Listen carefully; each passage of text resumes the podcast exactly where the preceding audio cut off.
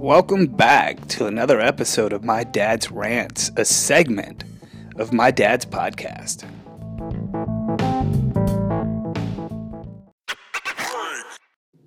Before I get started, here's a word from our sponsors.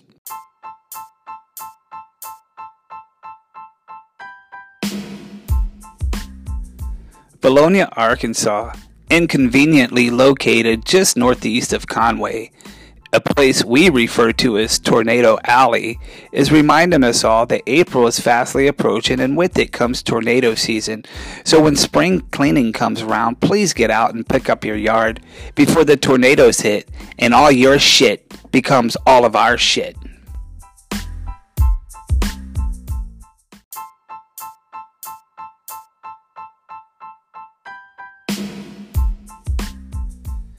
Oak Street, the only place in Conway you can walk on a sidewalk and be beat to death, physically, mentally, and emotionally, by ongoing traffic.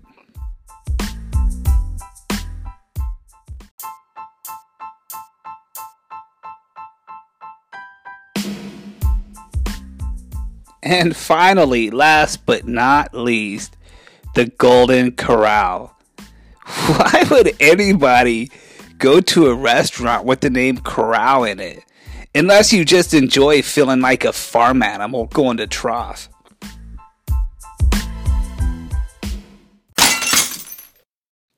What's up, and welcome to another episode of My Dad's Rant, a segment of My Dad's podcast. Hey, I wanted to give props to this uh, Travis Kauffman kid. I don't know if any of you guys have been paying attention in social media or even local national news, but this dude uh, just fended off a mountain lion while he was on a trail in Colorado. And uh, he killed he killed this mountain lion with his bare hands, man. And you know, it just got me to thinking as I was listening to his story how many times I've been in a situation in the Colorado Rockies where it's just me and my uncle, or it's just been me and I was on one of those desolate trails, just always being cautious, but just you know, never really thinking that it was going to be a life or death situation like it turned out for Travis anyways, a little bit about Travis. Turns out Travis is from Mountain Home, Arkansas, which is a beautiful part of Arkansas.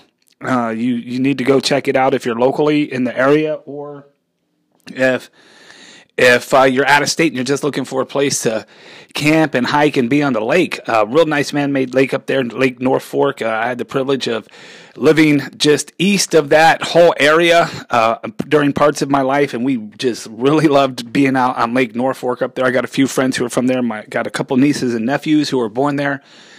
Uh, so Travis Kauffman, man, moves to Fort Collins, Colorado to take on some job, and, and he becomes this uh, avid outdoorsman, which he probably was before he got there, but now he's like in the mecca of the outdoors life there, and he's out there doing these trails and these hiking paths, you know, uh, constantly. So to be out there that day on February 4th wasn't nothing out of the norm for him or, or even unusual. It's just something he got up and did, kind of like that uh, 27 Days guy. I can't think of his name right now, but just one of those things where he just gets up and goes, you know, and, and really doesn't inform people on where he's at or where he's going or what he's got going on that day. He just goes, you know, it's just part of his his lifestyle. And uh, so he goes he goes jogging this trail and uh, just doing what he normally does when all of a sudden this mountain lion jumps out on the trail behind him. So he, he hears the scatter in the bushes before the mountain lion jumps out, and he turns around and he sees the mountain lion. And the mountain lion at this point, he was saying in the interview, I, I highly recommend you go watch his interview. It's all over YouTube and social media right now, and I'm sure the news will be uh, airing it. Probably if they hadn't already, national news but the mountain lion is like literally 10 feet away from him when uh, he notices. So he goes big, right? His hands are up and he's roaring, Rah! you know, he's trying to scare it, which is an instinct that we all have or was taught to us somewhere. Uh, and we learned it. You know, usually when you're trying to fend off uh, any kind of wild animal, you just want to make yourself bigger and roar and just shoo it away, you know, but not in this case. That mountain lion, uh, started creeping slowly. Then it got to a certain point and it lunged at him. So about the time it's lunging, Travis is saying, you know, well, I'm going to 86 this hole. I'm bigger and louder than you. And he just goes into a defense mode where his, he was saying his arms just kind of cover his face, which, you know, I mean, we all have that facial protective uh, in, uh, instinct just a lot of vital organs going on on our face. You know what I mean? Our eyeballs, our sense of smell, our mouth. It's just one thing you just don't want to get jacked up, you know? So, uh, because he was able to quickly react and cover his face, that mountain lion was snatched onto his wrist.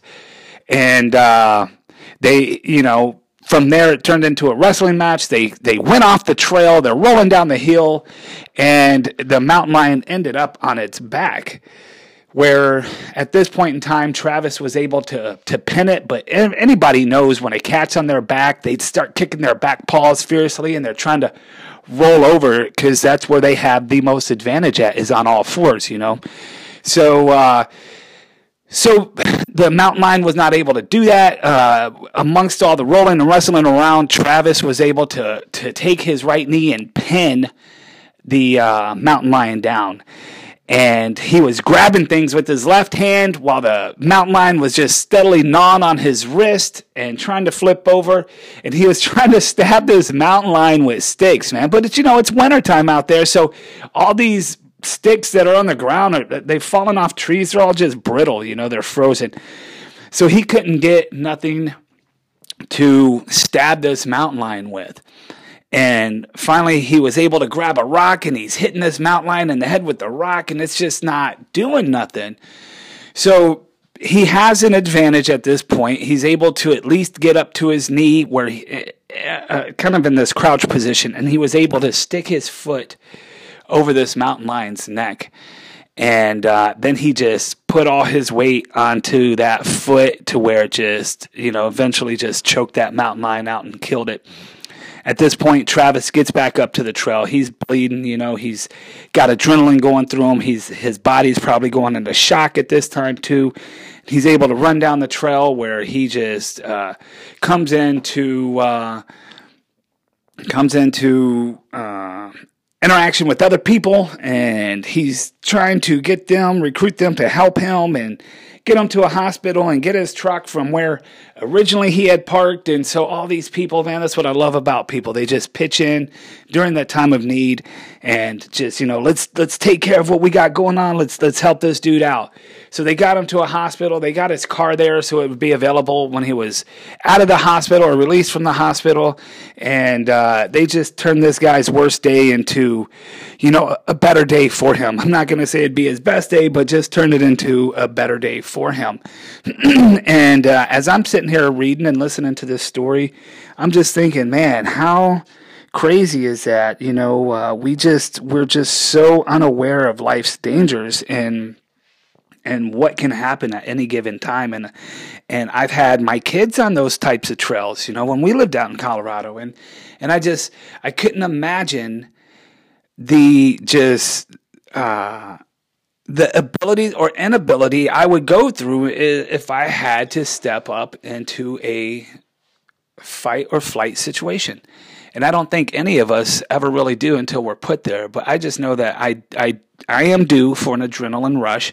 So when that comes, I know my adrenaline's going to fill my body. And, uh, you know, I'm, I'm hoping the shock factor can help me just maintain and sustain what I need to do to get through whatever happens uh, or was happening in my life at that time. But you know, one of the biggest things that I that I can think of when I'm listening to these types of stories, and you hear them all the time. In California, there was a guy who was mountain biking. He was, uh, oh, what is it called? He was. Um, the mountain lion, same thing, kind of a similar situation, but the mountain lion was stalking him. He uh, he noticed the mountain lion and and he knew he wasn't going to be able to beat it on his bike so he just got off his bike but he kept his bike posted between him and the mountain lion the whole time and literally after about 10 or 15 minutes i think the story said the mountain lion just gave up and said you're not worth it dude because he could not get in between him and the bike and the guy just kept his bike the whole time playing this cat and mouse game with this mountain lion you know and that dude became the victor over it and he didn't even get a, a scar on him at all. I mean, no scratches at all, you know. Fortunately for him, but still, it's one of those situations where for 15 minutes he's playing this game with this mountain lion, you know, and a lot of people are just prone to giving up and just thinking, oh, we're, you know, it's done. Uh, Travis could have done that. It's done, you know. But we get into this fight or flight mode, which I honestly think comes from a positive mental attitude. And you have to maintain this positive mental attitude throughout your whole life in order to be successful, in order to be driven, in order to survive a situation. You have to keep your mind trained for that. You can train your body all day long. Is that going to help? Yes, it helps. Every little bit helps. Absolutely. Be in the gym, training your body. Be on a gun range, training your body.